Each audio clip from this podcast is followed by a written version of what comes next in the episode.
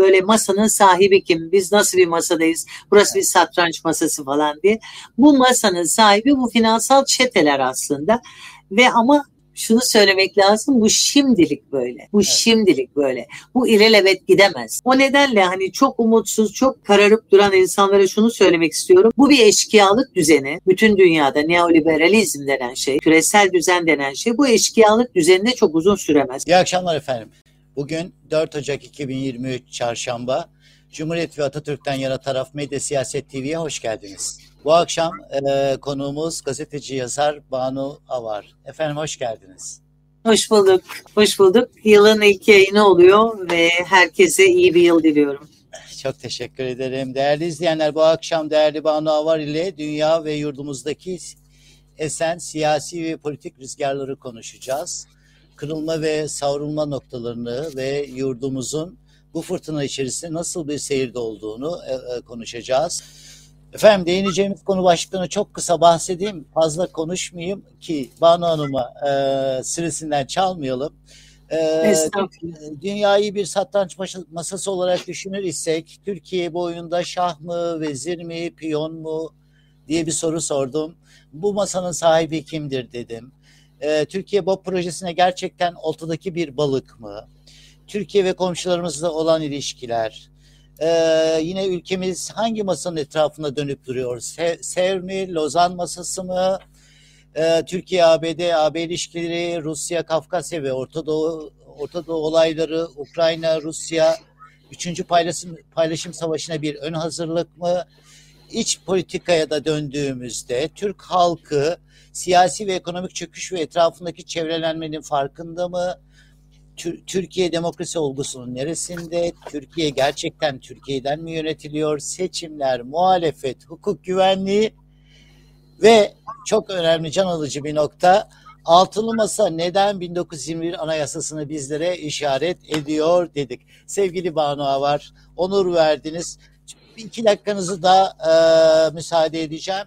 Şimdi e, bu benim için çok önemli. E, Bana var ismi bana Melih Cevdet Anday'ın telgraf, Telgrafhane şiirindeki dizeleri hatırlatıyor. Ne zaman görsem bir yerlerde. Efendim ne diyordu o şiirde? Düzelmeden memleketin hali, düzelmeden dünyanın hali gözüne uyku girmez ki. Bir sis çanı gibi gecenin ta içinde, ta gün ışığıncaya kadar vakur, metin, sade çalacaksın Banu var böyle böyle bir isim ve bizlerle onur verdi. Tekrar hoş geldiniz. Hoş bulduk. Sabaha kadar buradayız o zaman. bu, bu söylediğiniz konular kolay kolay bitmez öyle konuşarak. Tabii şöyle. Zor konular. O yüzden ben çok kısa özetler yapmaya evet. çalışacağım. Bir de Cem Bey yani öyle bir şey ki insanlar e, birçok şeyle aynı anda uğraşıyorlar. O nedenle de çok özetler yapmayı evet, seviyorum evet. ben. O zaman ee, ve ben... rahat yani özellikle de genç kardeşlerimize e, hitap ettiğim için genellikle e, üslup olarak da onu tutturmaya çalışıyorum. Mutlaka bizi izleyenler arasında benim söyleyeceğim şeylerin hepsinden çok daha iyi bilen, çok daha iyi e, takip edenler vardır. Ama ben basit, bilebildiğim kadar kolay özetler yapabilecek evet. gibi gitmeyi istiyorum.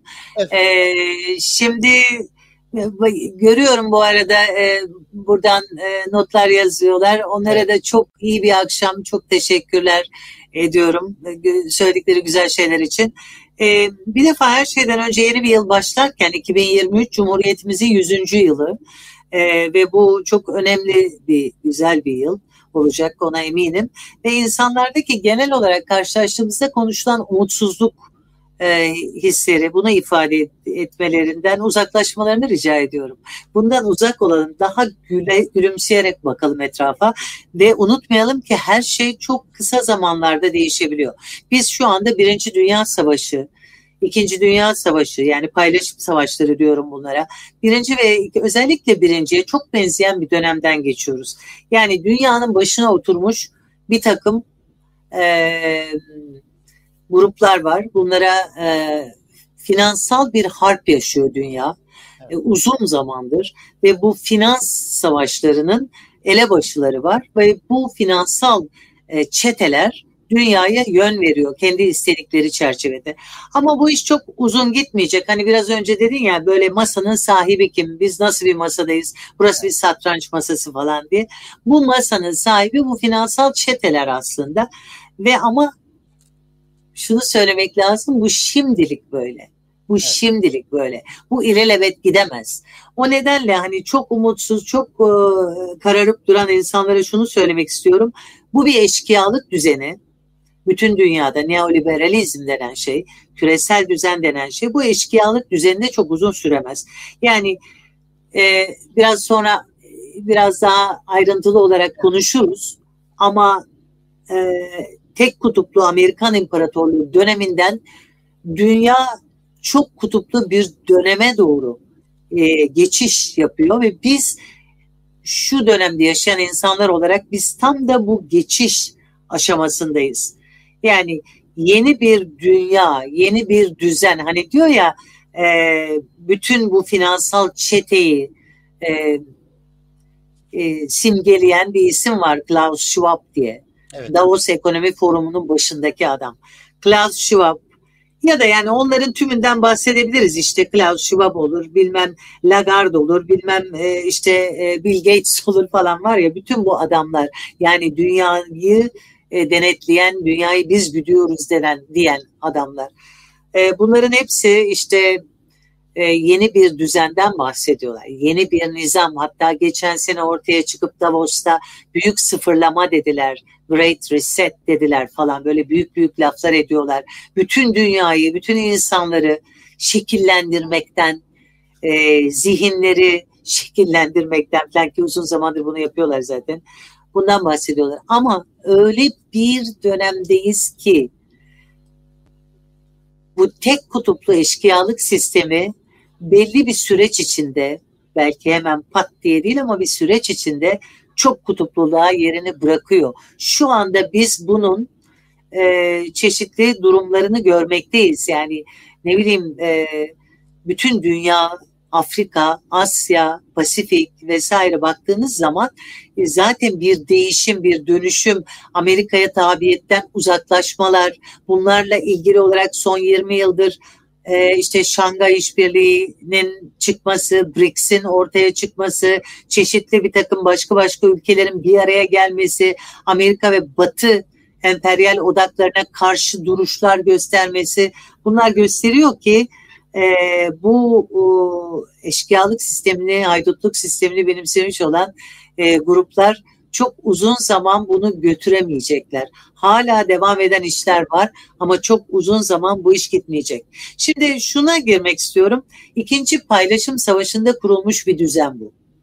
Yani bu düzen birinci paylaşımdan sonra 1939 itibariyle savaş başladı. İkinci bir paylaşım. Birinci paylaşımda elde edemediklerine saldırdılar. Almanya tasfiye edildi tamamen falan. Oturdular. Ve ikinci paylaşımdan sonra Amerika tahtı İngiltere'den aldıktan sonra bir takım ayaklar gördük biz dünyada. O ayaklardan bir tanesi askeri ayaktı.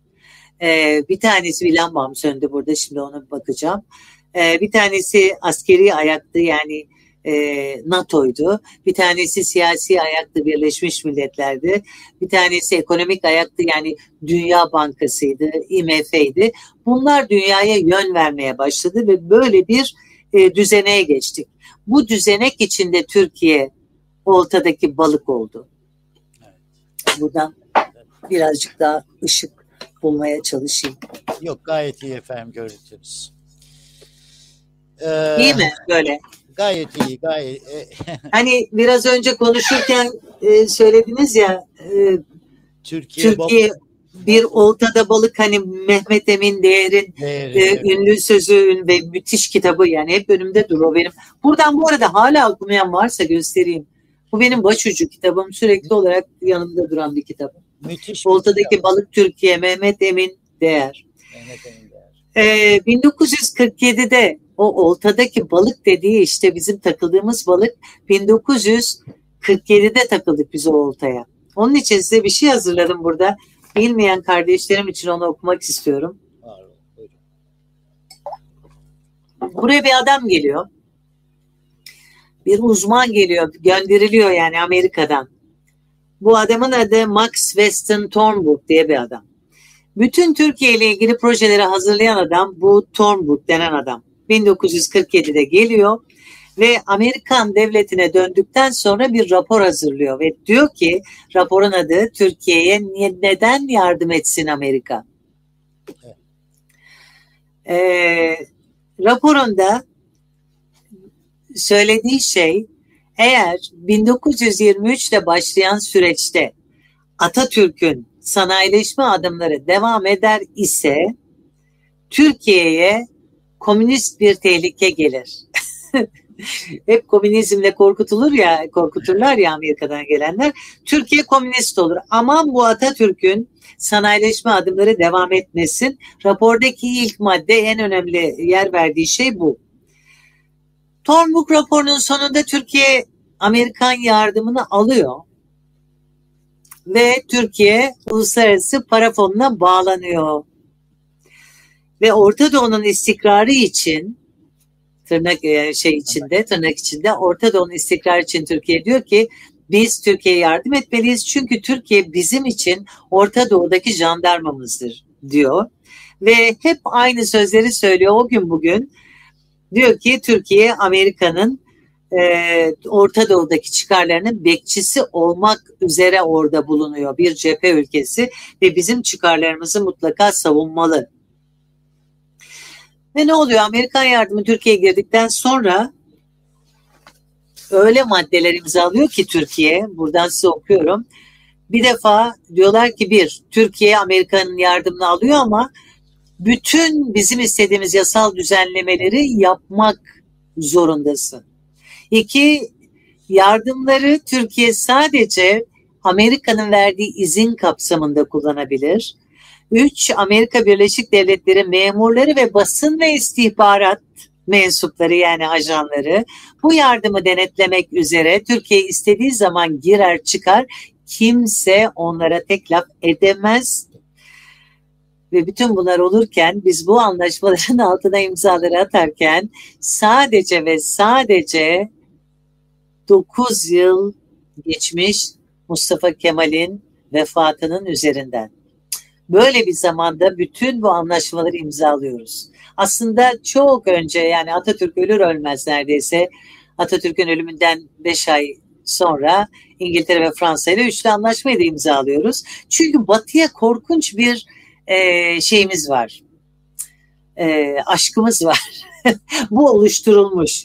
Batılı olmak için ölüyoruz. Buna Demek... tazminat, taz, tanzimat ruhu deriz. Atilla evet. abinin deyimiyle evet. bu tanzimat ruhudur ve insanların beynine maalesef bu ekilmiş belli zamanlarda. Devam edelim. Türkiye NATO'ya giriyor 1952 yılının Şubat ayında. Ve bakın ne oluyor. Benim için en çarpıcı olan işlerden biri bu. NATO'ya girer girmez Türkiye'ye bir şart dayatılıyor. Nedir o şart? Bilmiyorum biliyor mu genç arkadaşlar bunu? Dini eğitim şartı. NATO'ya giren her ülke için bu şart var. İlginçtir değil mi? Yani sadece Türkiye için değil, NATO'ya giren ülkelere NATO birincil olarak dini eğitim konusunda baskı yapıyor. Laik bir Avrupa istemiyor ve bu nedenle de hatırlayacaksınız Fransa ayağa kalkıyor hatta. Fransa'da korkunç büyük gösteriler oluyor. Biz o zaman NATO'ya girmeyelim, laikliğimizi mi kaybedeceğiz falan diye. Ve bu din şartı konuyor. Amerika'nın emriyle e, deniyor ki Türkiye'ye valla siz İslam ülkelerini Rusya'ya karşı, komünistlere karşı din kardeşliği adı altında birleştirmek için NATO'ya girdiniz. Biz sizden bunu bekleriz diyor. Bunu aklımızda hiç e, şey yapmayalım yani bunu iyi bilelim. Bu çünkü hakikaten e, hayati önemli bir şey. NATO ve din olayının nasıl iç içe geçtiği. O zamanki Dışişleri Bakanı Dalz'ın bir lafı var. Din ve siyaset birbirinden asla ayrılamaz. Dünya meselelerini halletmek konusunda seçeceğimiz yol dini yoldur diyor.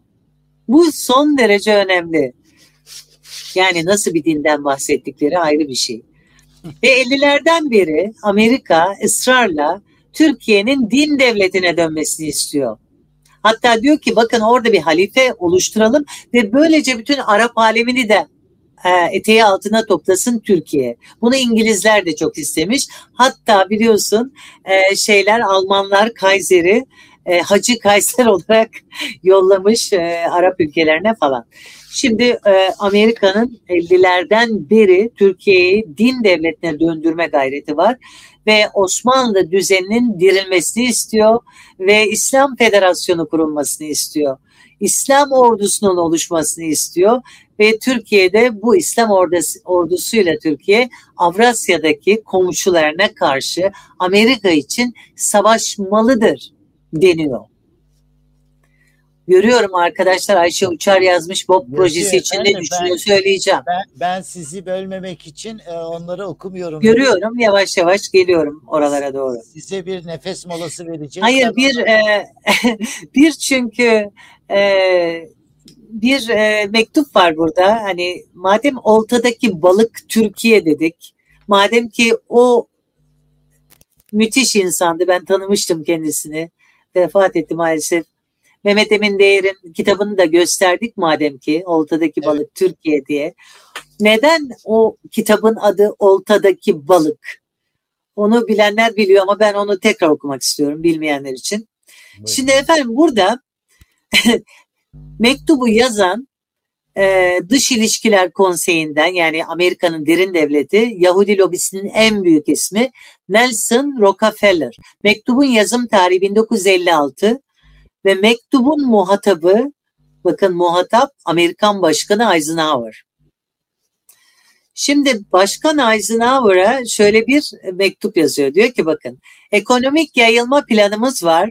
Asya'ya, Afrika'ya ve diğer az gelişmiş bölgelere bu ekonomik yayılma planını uygulamak zorundayız. Yardımda ilk sıraya giren ülke Türkiye. Bu ülkeye yapılacak yardım ve açılacak kredi askeri nitelikli olmalıdır. Oltaya yakalanmış balığın yeme ihtiyacı yoktur. Bakın görüyor musunuz daha 1950'lerde adamlar neler söylüyor bize oltaya yakalanmış bir balık olarak görüyor Türkiye'yi ve yeme ihtiyacı yok. Onu diyor daha fazla beslemeyin. Sadece askeri bir şeyler verin. Ee, işte oradan devam etsin. Devam ediyorum mektuba. Eğer Türkiye'ye genişletilmiş bir ekonomik yardım yapılırsa bu çok ilginç. Bazı hallerde düşünülenin tersi sonuçlar verebilir bu. Yani diyor bağımsızlık eğilimini arttırır, mevcut askeri paktları yani NATO'yu zayıflatır. Eğer Türkiye ekonomik olarak refah yürürse o zaman NATO'dan e, çıkabilir ya da NATO ile beraber olmayabilir ya da NATO'ya zarar verebilir diyor. Türkiye gibi ülkelere doğrudan doğruya iktisadi yardım yapabiliriz ama bu ancak bize uygun ve bağlı hükümetleri iktidarda tutacak ve bize düşman olanları zararsız bırakacak biçim ve miktarda olmalıdır. Çok açık konuşuyor adamlar. Amerika ile işbirliğine hazır yerli iş adamlarına yardımı arttırabiliriz.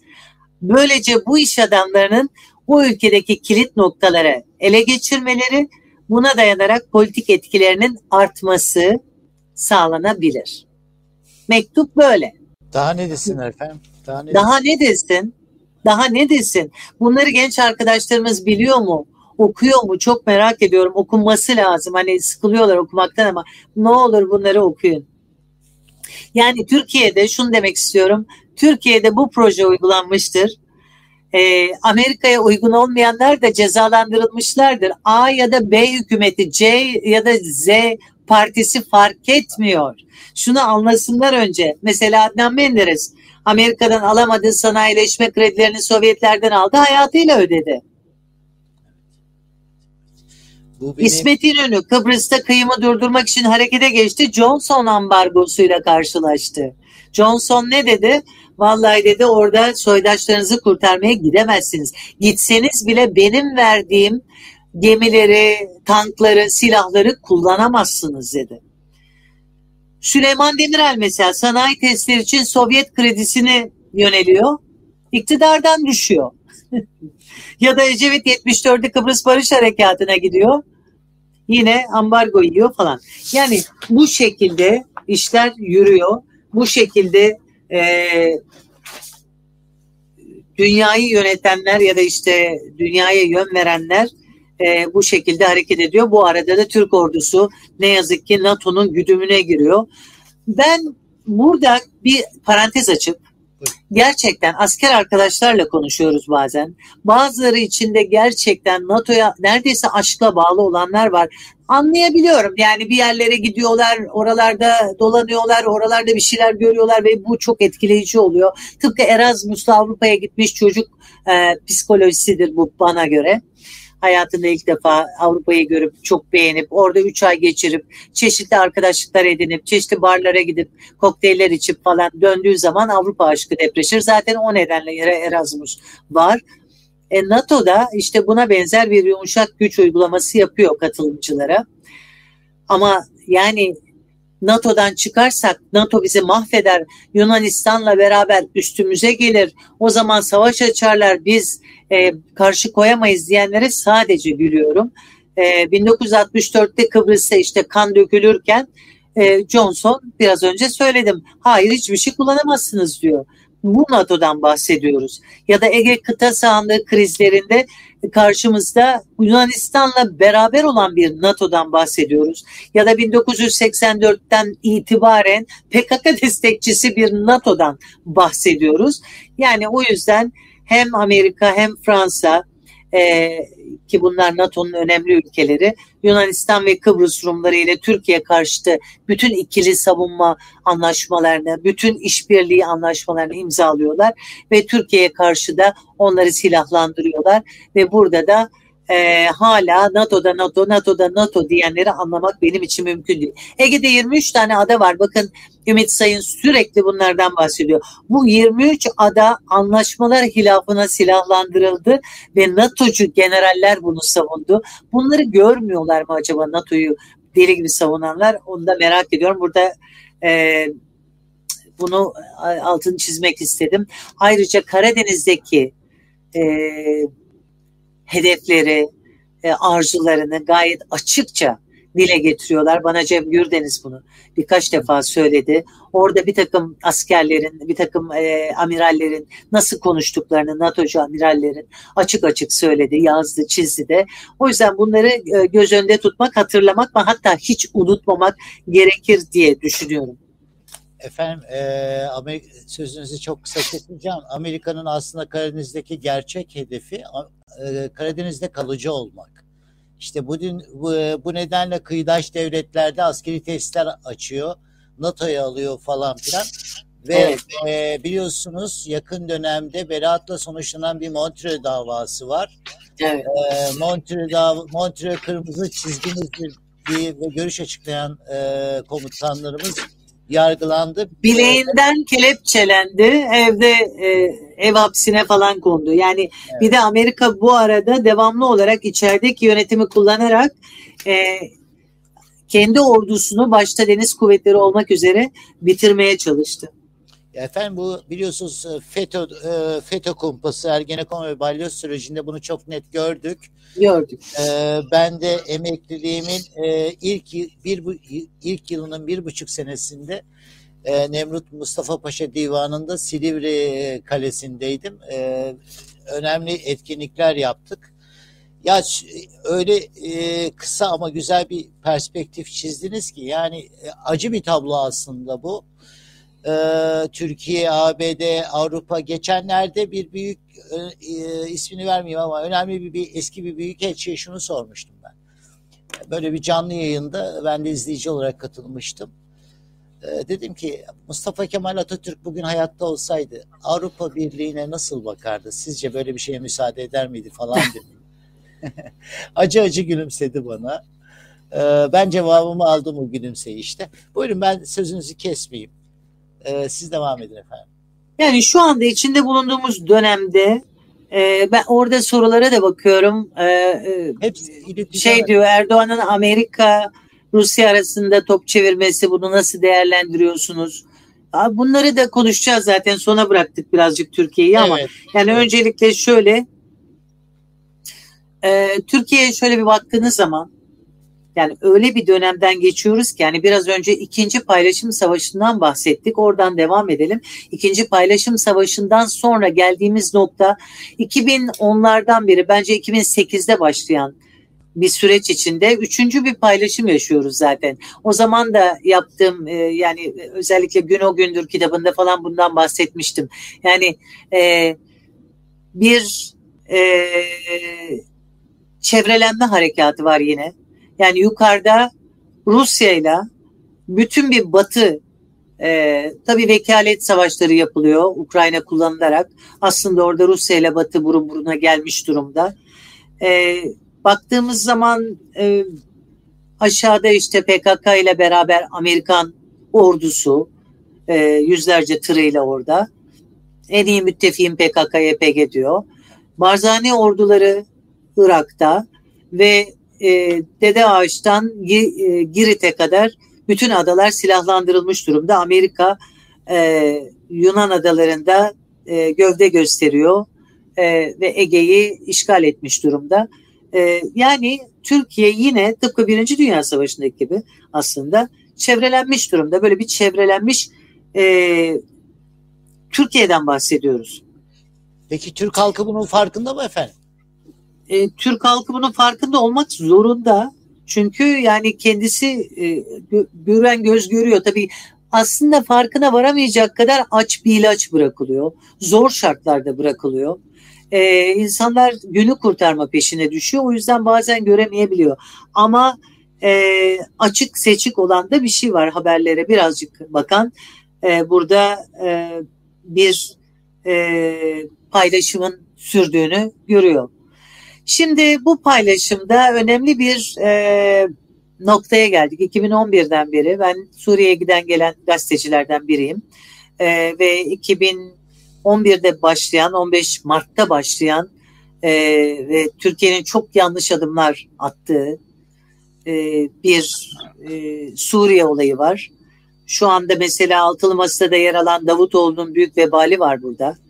Yani e, karşımızda Suriye ile yaptığı, e, Rusya ile yaptığı yani tamamen e, ülkelerin birbiriyle konuşamaz hale geldiği politikalarla geçen uzun süreçler oldu. İşte bu süreçlerin sonunda ilk defa Rusya Savunma Bakanı Sergey Shoigu'nun ev sahipliğinde Moskova'da bir toplantı düzenlendi 28 Aralık'ta. Bunun önemli olduğunu düşünüyorum. Çok önemli oldu çünkü sabah akşam bu konuda yazıyorduk. Yazanlardan biri de benim. E, ve Türk e, Savunma Bakanı işte Suriyeli mevkidaşı e, Ali Memlük, e, pardon Ali Mahmut Abbas e, ve belki de istihbaratçılar da oradaydı bilmiyoruz onu yani söylenmedi ama belki istihbaratçılar da çünkü Hakan Fidan oradaydı ama Suriyeli istihbaratçılar da orada olabilir. Hepsi bir araya geldi ve bu üçlü toplantı da bazı konuların karara bağlandığı iddia ediliyor diyeceğim. Evet. İddia ediliyor. Nereden okuduk biz bunu? El Vatan Gazetesi'nden okuduk. El Vatan Gazetesi e, şeyin Esad yönetiminin desteklediği, onun görüşlerini yansıtan bir gazete. Ve El Vatan'ın dediğine göre demek zorundayız. Çünkü başka hiç kimse bu konuda e, şey yok. E, bir açıklama yok. Şimdi bu El Vatan'daki e, iddiaya göre bu iki ülke dört maddede anlaştı. Bu çok sevindirici. Birincisi her iki ülke Suriye'de, Türkiye'de e, PKK'nın Türkiye ve Suriye için çok büyük bir tehlike oluşturduğu konusunda ortak görüş deler. E, ve zaten bu iş ancak ve ancak bu şekilde yani eğer PKK ki Amerika'nın bütün desteğini almış bir PKK. Yani oraya ikinci bir Kürdistan kondurmakla e, görevlendirilmiş bir YPG, PKK her neyse YPKK diyorum daha kolay anlaşılsın diye. Böyle bir e, oluşum ancak Türkiye ve Suriye e, ordularının işbirliğiyle bitirilebilir. Ancak bunların arasında kalarak bu iş bitirilebilir. Başka türlü olmaz ve ayrıca da önemli bir madde var. Bu madde e, Türk Silahlı Kuvvetleri'nin Suriye topraklarından çekilmesi maddesi. Eğer bu madde üstünde de anlaşmaya varıldığı iddia ediliyor. Eğer bunun e, üstünde de anlaşma ya varıldıysa Çünkü zaten güvenlik kuşağı e, sadece PKK'yı biraz daha aşağı itekleme e, kararıydı. Bu yanlış bir karardı. Çünkü ha buradalar ha biraz daha aşağıdalar. Yani o değildi ama şu şekilde eğer bunda e, mutabık kalındıysa yani e, Suriye topraklarından Türkiye e, Türk Silahlı Kuvvetleri çıkacak ise çıkacağı yerleri Türkiye diyor ya yavaş yavaş güvenli bir şekilde bırakacağım diyor. O zaman işte en önemli şey burada Türkiye ile Suriye'nin e, silahlı kuvvetlerin işbirliği yapması ki e, bırakılan toprak ya da alanlar Suriye Silahlı Kuvvetlerine bırakılabilsin. Türk Silahlı Kuvvetleri çekilirken bıraktığı alanları Suriye'ye bırakabilsin. Dolayısıyla bu bunun garantisi olur. Bu çok önemli. Yani Türkiye'nin Suriye'den e, çekilmesi, e, Ankara'nın Suriye'nin egemenlik ve toprak bütünlüğüne saygı göstermesi bu konuda da anlaşıldı deniyor. E, PKK'nın Türkiye ve Suriye için en büyük tehlikeyi oluşturduğu konusunda mutabık kalmaları ve sonuncu madde olarak da M4 karayolunun açılması Halep ile Laski arasındadır bu karayolu. Bunun açılmasına ilişkin 2020'de bir anlaşma imzalanmıştı. Bu anlaşmanın uygulamaya geçirilmesi. Evet. Şimdi yani biraz önce söylediğimiz olayı düşünün. Bir yanda Ukrayna var. Bir yanda aşağıda Amerika ile birlikte e, bir Kürdistan oluşturmaya çalışan Amerika. Bir tarafta gene Amerika'nın denetiminde bir Barzani. Ee, bir tarafta Amerika Ege'de. Şimdi geçen gün Mehmet Ali Güller bir yayın yaptı. Oradan ben alıntılayacağım. Mesela 20 Aralık'ta e, geçen sene Bağdat'ta yapılmış olan bir Bağdat evet. e, şeyi vardı. Toplantısı. 9 ülkeyle birlikte yapmışlardı. Bu 20 Aralık'ta Ürdün'de bu 12 ülkeyle yapılmış ve bu Ürdün'deki Bağdat konferansında Irak, Kuveyt, Türkiye, İran, Birleşik Arap Emirlikleri, Suudi Arabistan, e, Katar ve Mısır'ın yanına bu yıl Ürdün, Umman, Bahreyn katılıyor. Ve Burada en önemlisi Fransa var. Başka da hiçbir batılı bölgeden olmayan hiçbir devlet yok ama Fransa var. Fransa orada. Çok iddialı bir şekilde burnunu sokmaya devam ediyor oraya. Ve aynı anda bir başka toplantı daha oluyor. Nerede? O da Irak'ta Süleymaniye'de oluyor 20 Aralık'ta ve orada da Amerika etrafına bütün Kürt grupları topluyor. Mazlum Kobani de orada. Ee, bunu e, Bazil Talabani ayarlıyor Amerikalılarla birlikte. KYB de orada, PKK da orada, PYD de orada, YPG de orada, e, SDG de orada. Yani bütün bölgedeki Kürt gruplar. Yani Amerika'nın e, işte ben e, bir Irak Kürdistan'ı, bir Suriye Kürdistan'ı, bir Türkiye Kürdistan'ı, bir e, İran Kürdistan'ı kuracağım. Bu dört ülkeden e, yırtılmış topraklarla biz buraya bir ikinci İsrail oturtacağız dediği olayın bütün aktörleri, öncüleri. Bunlara yardımcı olan öncüler de var. Kim onlar? HTŞ mesela. Heyetü Tahriri Şam. Heyetü Tahriri Şam aslında El-Kaide. Yani Suriye'de El-Kaide Başında da Colani diye bir adam var. Şimdi lacilerini giydi. Böyle diplomatik kulislerde dolaşıyor bu Colani. Bu Colani de geçen gün bir açıklama yaptı ve dedik ki bütün bu toplantılar falan oluyor. Yani son derece hareketli. İnsanlarımız dediğim gibi açlıkla, bir ilaçlıkla, maaşımızla uğraştığımız için tabi bunlarla e, ilgilenemiyoruz. Ama Colani de diyor ki HTŞ'nin ya da El-Kaide'nin çatısı altına gelsin bütün e, unsurlar Suriye'deki muhalif unsurlar bu Türkiye ile Suriye galiba bir araya gelecek. O zaman kabak bize patlayacak. Bizi artık tanımayacaklar. O zaman da biz bunlara karşı savaşmalıyız. İşte şimdi geldik esas önemli noktaya. Ne olacak peki? Yani eğer bugüne kadar yeni Osmanlıcılık adı altında Türkiye'nin de desteklediği bir takım ÖSO gibi Özgür Suriye ordusuymuş. Daha sonra Suriye Milli Ordusu adını falan aldı. Bu gibi dinci oluşumlar birdenbire ayazda kaldıklarını hissederlerse ne yaparlar? Onu da herhalde birileri düşünüyordur.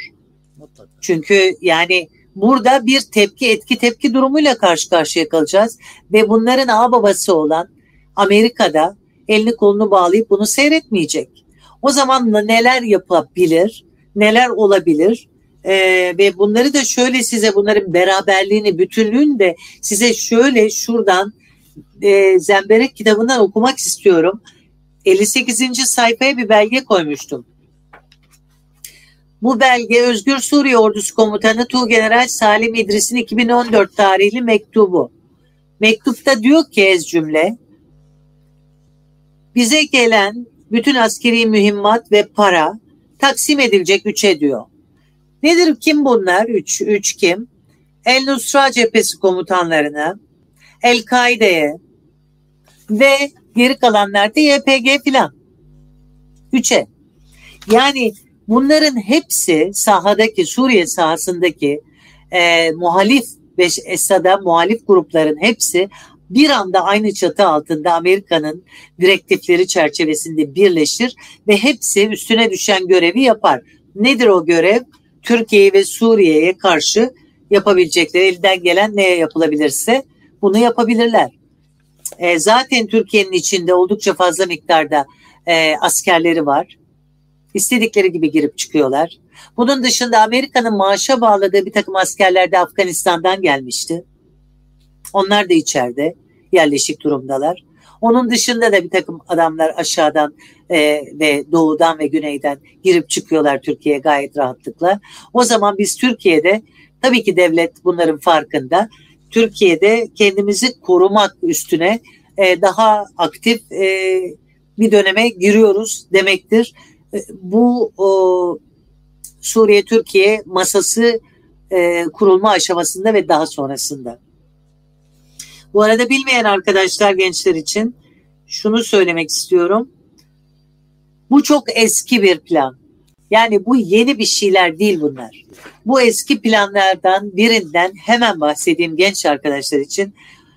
Bu bölgeyi paramparça etme planını İsrailli bir uzman Odette Yinon 1982'de ee, bir diplomattı Odette Yinon. 1982'de yazmıştı ve bu 82'de yazdığı plana göre Lübnan mezheplere göre beşe bölünecekti dini olarak. Irak üçe bölünecekti. Güneyde Şii, ortada Sünni, yukarıda Kürt devletleri olarak ki bunun neredeyse yaptılar. Ve de Suriye topraklarında da kuzeyde Alevi devleti, Sünni bir Sünni devleti, İsrail sınırında Dürzi devleti, Şam'da bir başka Sünni devleti kurulacak. Türkiye en az dört parça olacaktı. Ve biz evet. böyle bir dönemde yani bunlar konuşulurken bütün dünya bunlar üstüne planlar, projeler yapar. Büyük Orta Doğu projesi diye bunu da adlandırırken bizim yöneten, yöneticilerimiz çıkıp biz BOP'un eş başkanıyız dediler. 30 kere kayıtlı olan ben eş başkanıyım dedi. Onda Hatta onunla da kalmadılar. Ee, bir takım arkadaşların çok doğru söylediği gibi Amerika'nın planı Sünnistan'la Kürdistan'ı birbirine önce sokmak, Sünnistan'ı destekleyen Türkiye gibi ülkeleri önce biraz memnun etmek, arkasından Kürdistan'a yendirmek Sünnistan'ı ve Kürdistan'ın da orada kurulmasını sağlamak iken e, bir takım insanlar bir takım e, bir dönemde e, Salih Müslim'i bile Kırmızı Halılarla buraya davet ettik.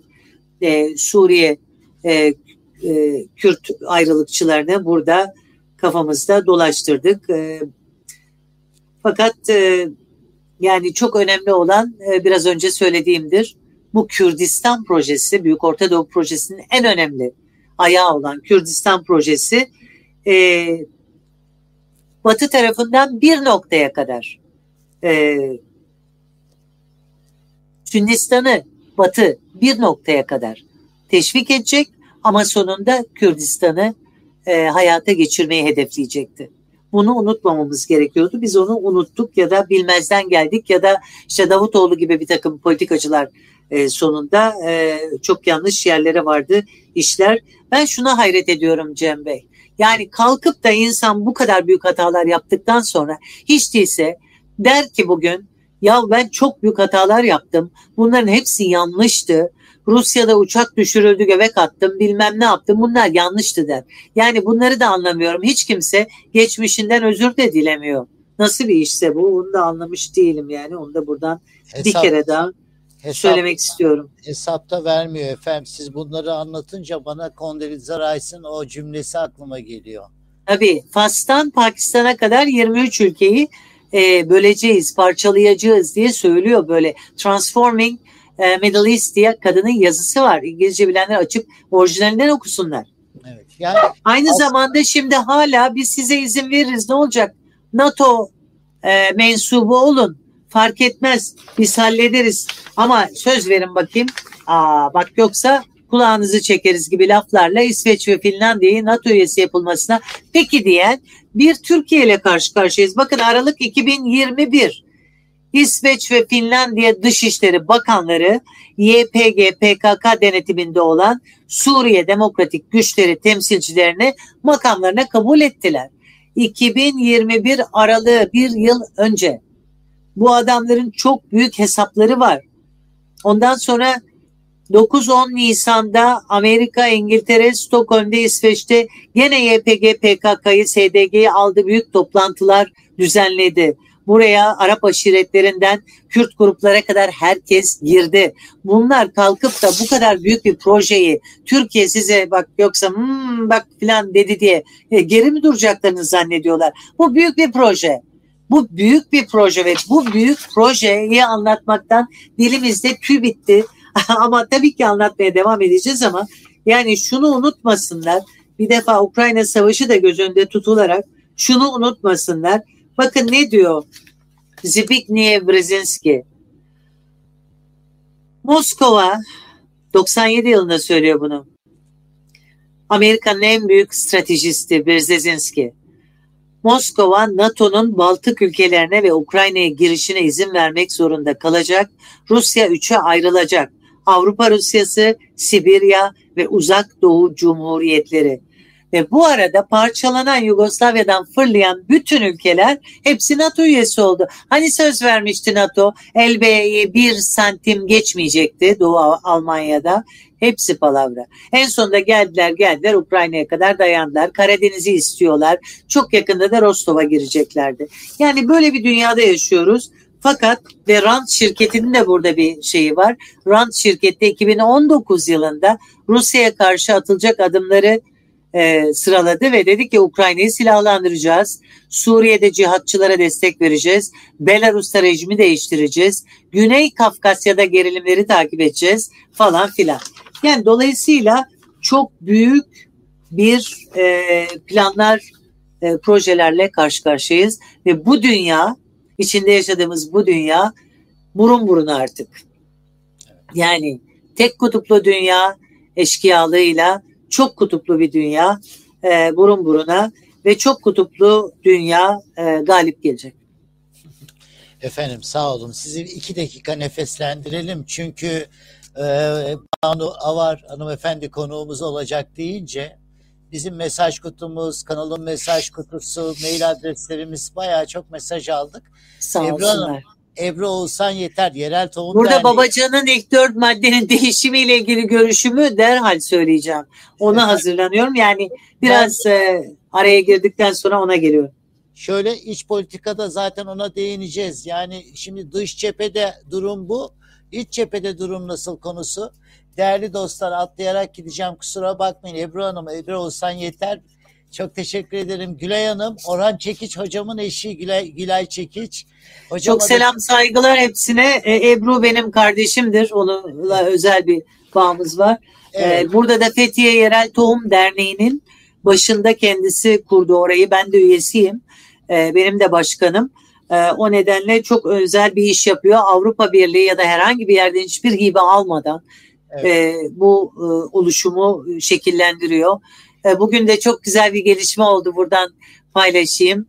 e, e, Fethiye Yörük Türkmen Derneği'nin e, ve İsmail Kerimoğlu'nun e, orada bir müzesi var, Yörük Müzesi. Hemen onun çatısı altında biraz ileride bize bir yer verildi ve o yerde e, Fethiye Yerel Tohum faaliyetlerini, derneğin faaliyetlerini götüreceğiz bir süre. Çok Teşekkür sevdim. ediyoruz buradan İsmail Kerimoğlu, Ramazan Kıvra. Var olsun. Ve tabii ki Ebru'ya. Gülay Hanım, Gülay e, Çekiç iyi akşamlar. Bergin Hanım. Serap Tarakçı'dan iyi yayınlar diliyorum. Banu Hanım heyecanla bekledik. Sevgi ve saygılarımı sunuyorum demiş. Benden saygılar. İyi, iyi yayınlar dileyen e, arkadaşlarımız var sağ olsunlar. Banu Hanım'ı biz niye televizyon kanallarında göremiyoruz diye soru Onu sormuş. televizyon kanallarına soracaklar. evet. Ee, yani e, evet doğru bir cevap bence de. Çünkü gerçekten acıtıyor. Ondan sonra Süreyya Hanım yayınlar sizleri görebilmek çok güzel. Sizden e, bahsediyor efendim. E, değerli Banu Avar bu projesi için neler düşünüyor aktardı. Banu Avar sizi seviyoruz. Türk milletini uyarmaya ve uyandırmaya çalışmanızı hayranlıkla izliyorum. E, Bey, Melih Cevdanday'ın Telgrafhane şiirindeki gibi e, vakur, sessiz, metin bir şekilde görevimizi yapmaya çalışıyoruz. Ee, Banu ablacığım bu kitapları önermişti diyor. Hatice Topçu Şap evet. Erdoğan'ın ABD Rusya arasında top çeviriyor. Bunu nasıl değerlendiriyorsunuz? İç politikada bunları belki biraz değinebiliriz. Ondan sonra mecburidir yalnız şunu hemen söyleyeyim mecburidir. Yani geldiği nokta Erdoğan'ın mecburiyettir. Çünkü böyle başlamadı olay. Mecburdur bunu yapmaya artık. Zaruret söz konusu artık. Çünkü efendim e, Şam'da e, cuma namazı kılacağız diye yola çıktılar. Evet, evet. Yani bunlar evet, çok yanlış şeyler yapıldı evet. Eğer yani bu bunlar bu yanlışlar yapılmasaydı bizim en başta bir 2011'de biz Suriye'deydik. Gidiyorduk, geliyorduk. O zaman söylediğimiz şeyler yapılsaydı ne bu kadar insan ölürdü, ne bu kadar ajan bölgeye girerdi, ne biz bu kadar 10 milyon sığınmacıyla baş başa kalırdık. Ama işte oldu. Şimdi değerli izleyenler geldik iç politikaya. Banu Hanım'ı çok yormak istemiyoruz. Efendim e, çevrelenmeden bahsettiğiniz ilk bölümde. ikinci bölümde Türk halkı. Evet. Demokrasi konuşalım. Türk halkı bu demokrasi olgusunun neresinde? Acaba ona geleceğim. Ona ona daha sonra geleceğim. Fakat bir de şeyi söylemek istiyorum. Buyurun, buyurun. Ee, yani e, hani olaya genel olarak bakanlar şunu da görmeliler belki. Ee, Avrupa e, belki son işte İkinci Dünya Savaşı'ndan beri böyle bir durumla karşı karşıya kalmadı. Evet. Son derece büyük bir kaos yaşıyor Avrupa. E, dolayısıyla orada da hani Amerika kendi eteğinin altına almış zannediyor Avrupa'yı ya da buna itiyor Avrupa'yı. E, işte Rusya'ya karşı Avrupa Birliği ülkeleriyle beraber hareket ettiği şeklinde bir algı da yayıyor belki ama pek öyle değil. Biz bunu nereden anlıyoruz? Macron geçenlerde yaptığı beyanatta ne diyor? Stratejik özellikten bahsetmeye başladı adam. Biz diyor e, Almanya'da aynı şekilde e, stratejik özellik e, bizi korumalıyız, kendimizi savunabilmeliyiz, Avrupa ordusu olmalı. Yani Amerika'nın söylemlerinin tam tersi bir takım söylemler duymaya başladık. E, ve yani Almanya'da, Fransa'da e, yani zaten Almanya'da üç partili koalisyonun çok fazla e, süreceği, o Scholz'un çok uzun zaman orada kalacağını düşünmüyorum. Macron'un da orada kalacağını düşünmüyorum. Ayrıca bütün Avrupa seçime gidiyor. Yani e, ne bileyim İspanya'da seçim var, Finlandiya'da var, Yunanistan'da var, Polonya'da var, Estonya'da var. Hepsi bu sene. Ve Türkiye'de var. Yani hepsi bu sene. E, Ukrayna, Rusya çatışma, bu savaş e, şeyinde çok büyük zorluklar yansıdı Avrupa'ya ve o nedenle şunu düşünüyorum. Avrupa özellikle başta Almanya olmak üzere hatta İtalya şimdiden yapıyor. Çaktırmadan hani yaptırımlar olduğu zaman Rusya'ya çaktırmadan gidip e, Avusturya üzerinden e, Rusya'nın verdiği gazı pekala kullandı ve bu şekilde e, yavaş yavaş Avrupa'nın da e, Rusya'yla ve Çin'le dengeleyici anlaşmalar yapacağını, Amerika'yı da fazla dinlemeyeceğini yavaş yavaş ben öyle düşünüyorum. Hatta Amerika'ya da dirsek göstermek zorunda kalacaklarını. Çünkü bunlar e, sonuçta kendi çıkarlarını düşünmek zorunda olan sanayileşmiş ülkeler. E, o nedenle bunu da düşünüyorum. Bir ikinci bir şey Şunu... Balkanlarda bir ısınma var ve bu çok korkutucu geliyor bana. O da şöyle e, Batı'nın yani Amerika'nın ve Avrupa'nın en büyük derdi Türkiye'yi başta söyledik ya bir e, cephe ülkesidir Rusya'ya karşı ve Rusya ile Türkiye'nin arası hep açık olmalıdır. Hep bunu hedeflemiştir Batı.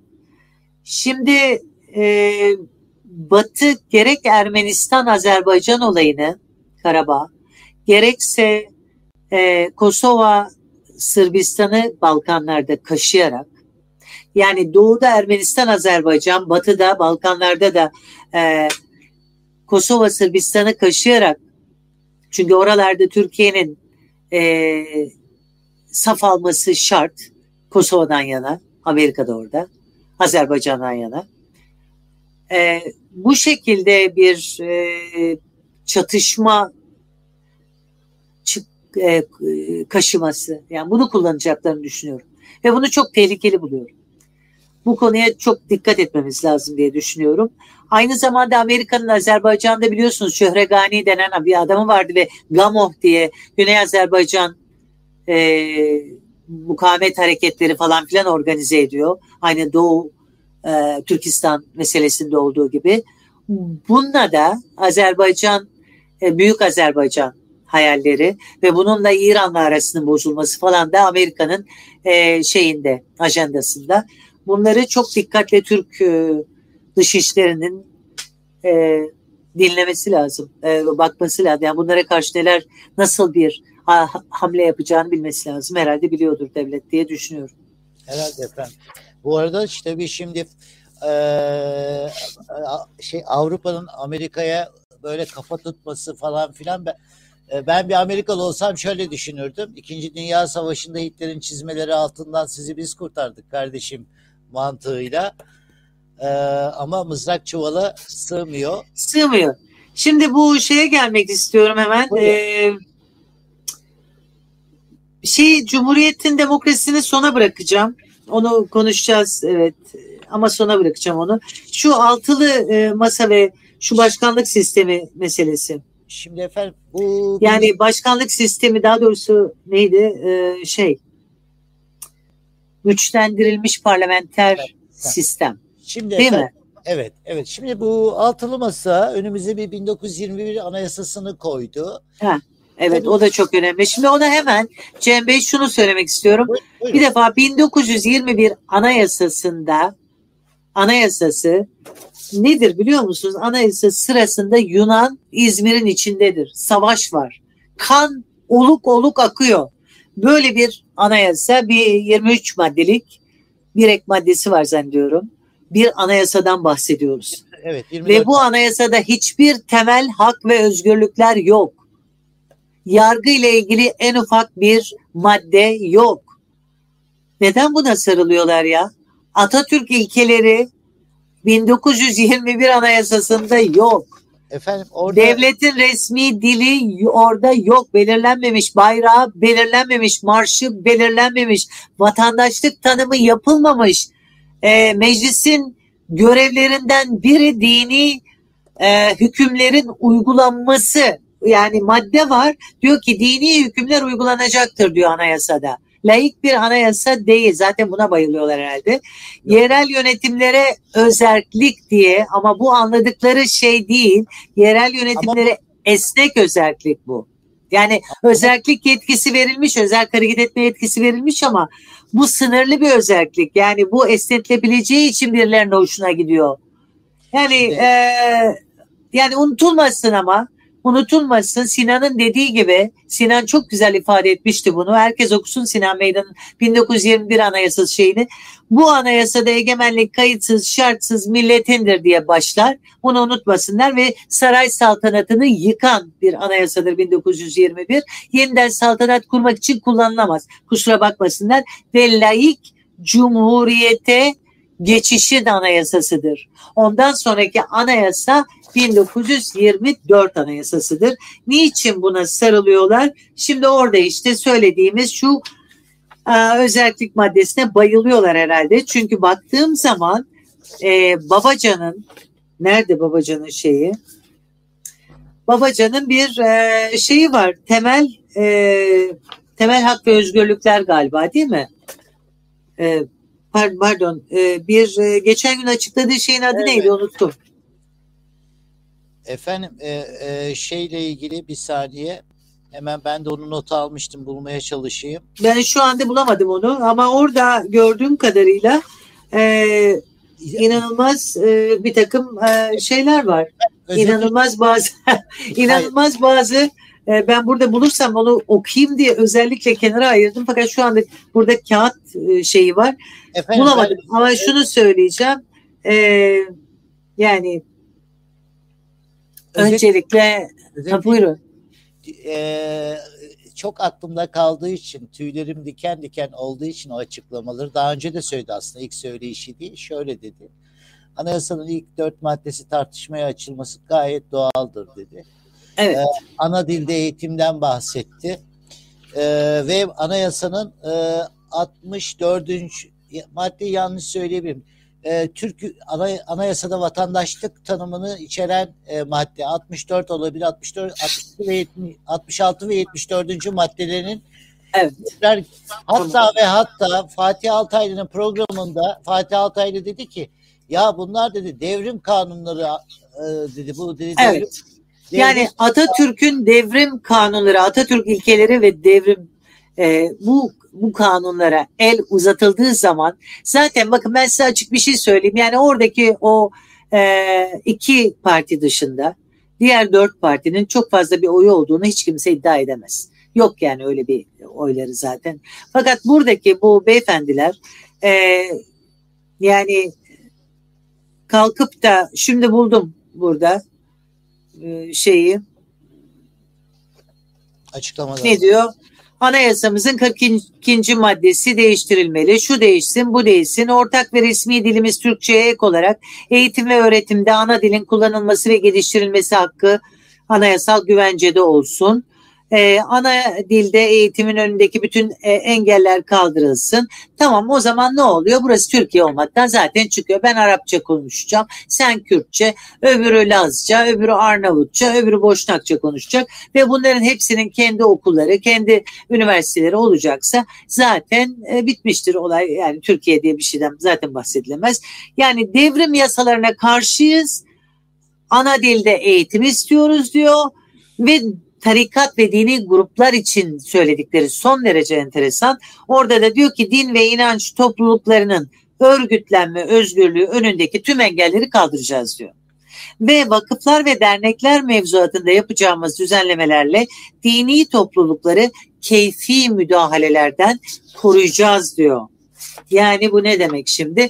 Din ve inanç topluluklarının kendi din görevlilerine eğitmek üzere eğitim kurumları açmasının önündeki bütün engelleri kaldıracaklarmış. Yüksek öğretim dahil kendi din eğitimcilerini yetiştirebilme imkanı tanınacakmış. Yani kendi şeyhlerini, şıhlarını üniversitelerde, eğitim kurumlarında e, yetiştirecekler, başımıza koyacaklar. O zaman ben şöyle baktığım zaman bu talepleri eğer bütün masa sakinleri paylaşıyorsa AKP'nin e, bölücü anayasa isteği de buydu. 1921 anayasasını AKP Tayyip Erdoğan da savunuyor. E o zaman BOP eş başkanı gitsin BOP'un başına biz geçelim diyorlar. Dedikleri bu o zaman. BOP gitsin yeni BOP gelsin. Yeni BOP eş başkanı gelsin. Yani dedikleri buysa o zaman e, zor durumdayız. Evet zor durumdayız. Bakmamız lazım iyice çok e, dikkatle bakmamız lazım olaya. Mesela burada CHP Genel Başkan Başdanışmanı olan birisi var malum e, elçi. Elçinin de e, yaptığı açıklama Türkiye'de yetkiler dağıtılmalı, yerel yönetimlerin güçlendirilmesi ya da özellik olmalı. Devletin şimdiki yapısı değiştirilmeli diyor. Yani anayasamızda değiştirilemez, değişmesi teklif dahi edilemez maddeler arasında yer alan devletin üniter e, niteliğinin değiştirilmesi öngörülüyor. Şimdi efendim. E, bunları ben... şimdi bu kadar ekmek derdine düşmüş bir millet.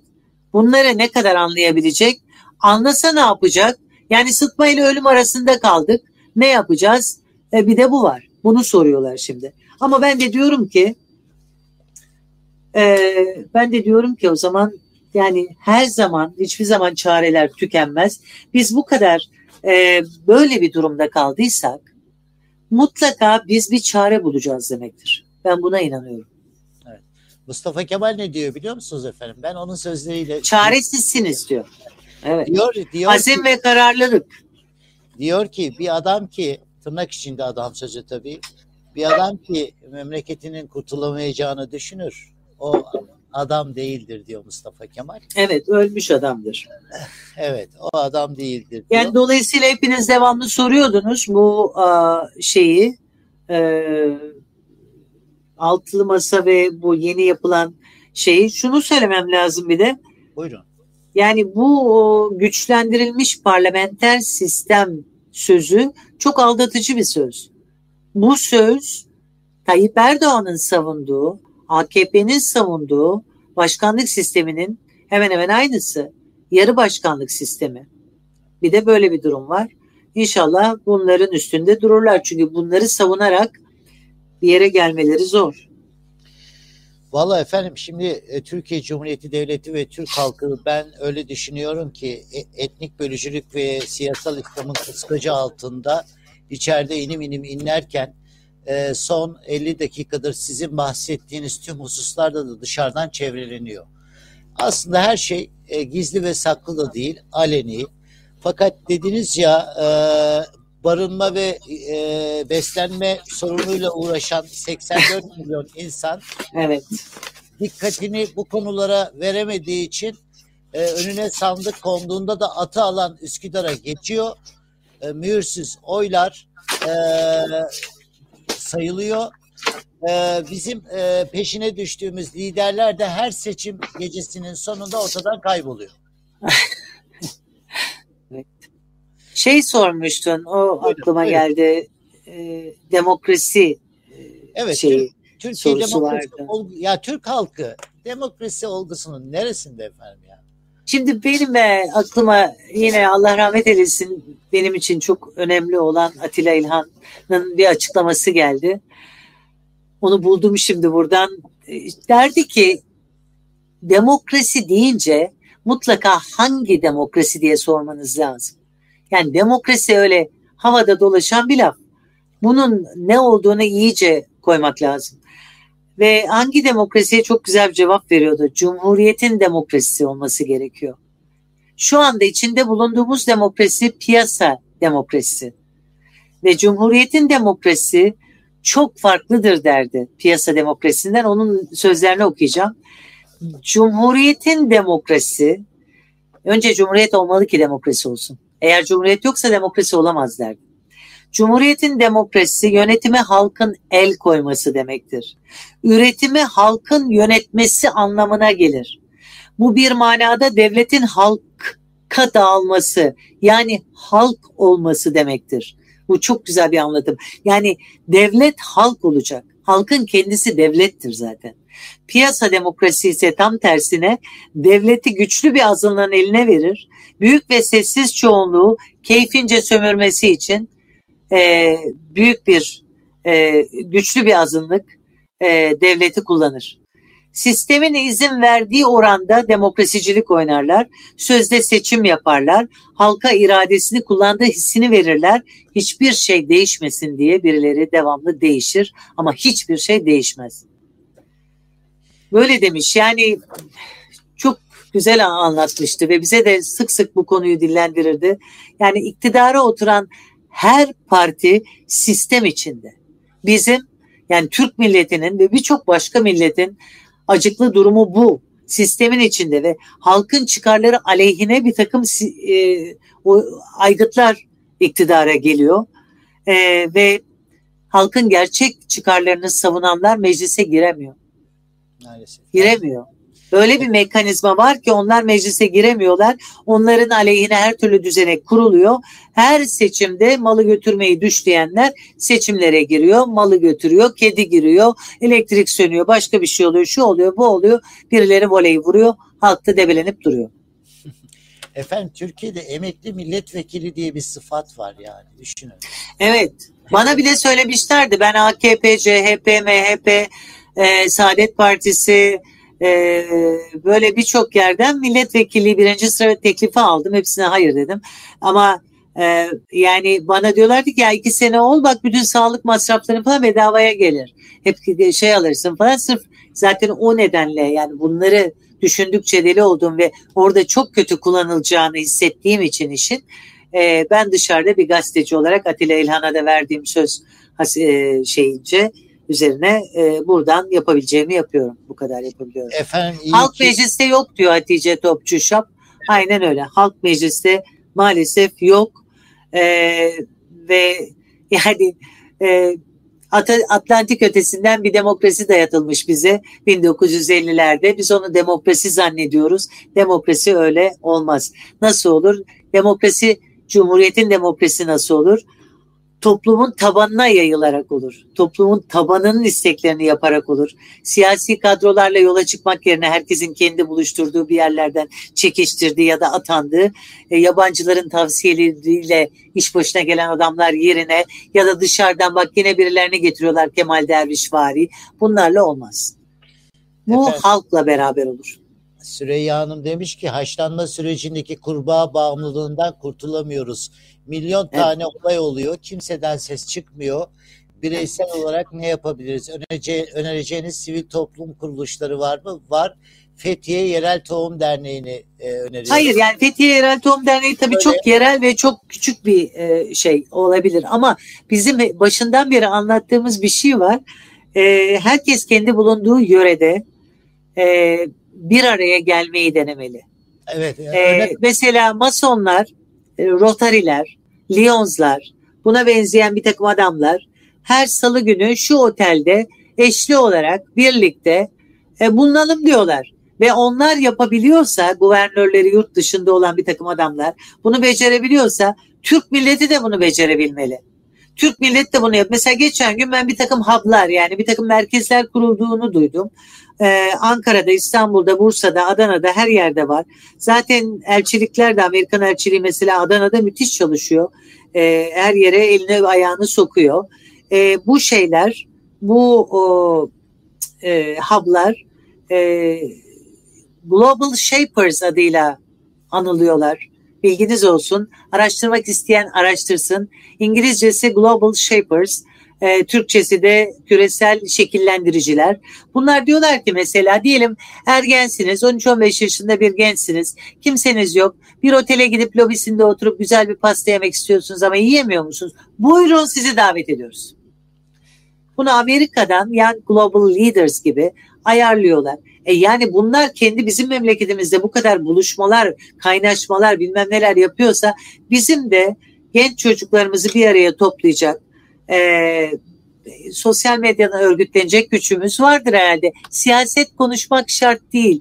Birlikte olalım, yardım edebilir miyiz? Size iş bulabilir miyiz? Size burs sağlayabilir miyiz? Sizin dertlerinizi dinleyebilir miyiz? Psikolojik sorunlarınız varsa yardımcı olabilir miyiz? Dil öğretebilir miyiz? Herkes bulunduğu yerde sosyal medyadan Fener yolunda kimler var desin çıkarsın eğer böyle bir gücü varsa onları bir davet etsin 200 lira para harcasın 20 öğrenciye çay pasta ikram etsin e, otursun onlara bir takım e, e, yardımlar yapabiliyorsa etrafında örgütleyerek bu yardımları yapsın. Beş çocuğa bu yardımları yapsanız korkunç güzel bir iş yapmış olursunuz. Yani biraz daha örgütlenmeci düşünelim diyorum.